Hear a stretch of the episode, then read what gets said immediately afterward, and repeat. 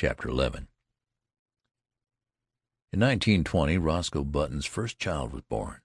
During the attendant festivities, however, no one thought it a thing to mention that the little grubby boy, apparently about ten years of age, who played around the house with lead soldiers and a miniature circus, was a new baby's own grandfather. No one disliked the little boy, whose fresh, cheerful face was crossed with just a hint of sadness, but to Roscoe Button his presence was a source of torment. In the idiom of his generation, Roscoe did not consider the matter efficient. It seemed to him that his father, in refusing to look sixty, had not behaved like a red blooded he man. This was Roscoe's favorite expression but in a curious and perverse manner indeed. To think about the matter for as much as a half an hour drove him to the edge of insanity. Roscoe believed that live wires should keep young, but carrying it out on such a scale was was inefficient, and there Roscoe rested. Five years later Roscoe's little boy had grown old enough to play childish games with little Benjamin under the supervision of the same nurse. Roscoe took them both to kindergarten on the same day, and Benjamin found that playing with little strips of colored paper, making mats and chains and curious and beautiful designs, was the most fascinating game in the world. Once he was bad and had to stand in a corner. Then he cried, but for the most part there were gay hours in the cheerful room, with the sunlight coming in the windows, and Miss Bailey's kind hand resting for a moment now and then in his tousled hair. Roscoe's son moved up into the first grade after a year, but Benjamin stayed on in the kindergarten. He was very happy.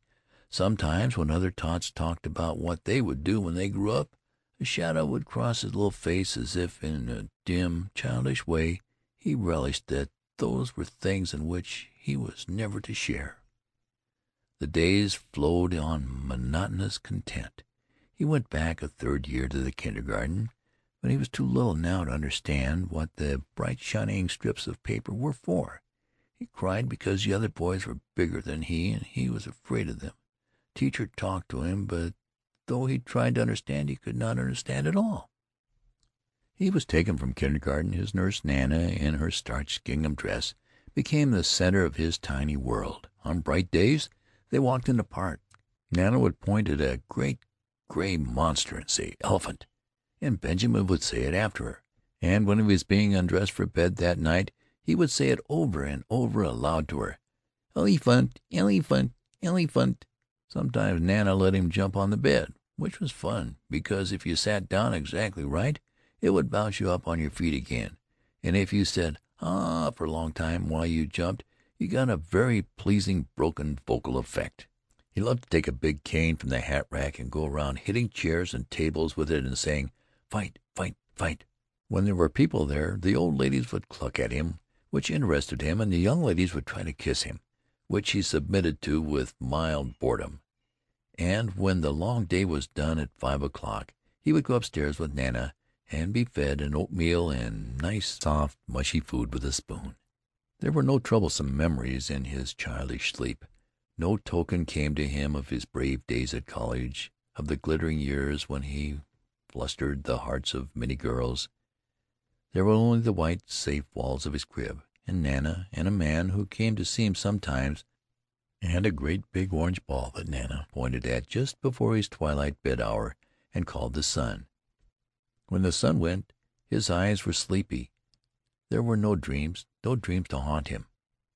The past, the wild charge at the head of his men up San Juan Hill, the first years of his marriage, when he worked late into the summer dusk down in the busy city for young Hildegarde, whom he loved; the days before that when he sat smoking far into the night in the gloomy old Button house on Monroe Street with his grandfather all those had faded like the substantial dreams from his mind, as though they had never been.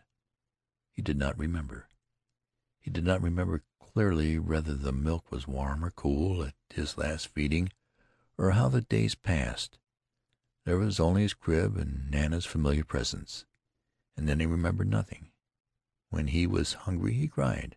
That was all. Through the noons and nights he breathed, and over him There were soft mumblings and murmurings that he scarcely heard, and faintly differentiated smells, and light and darkness. It was all dark, and his white crib, and the dim faces that moved above him, and the warm, sweet aroma of the milk, faded out altogether from his mind. End of the Curious Case of Benjamin Button, narrated by Mike Venditti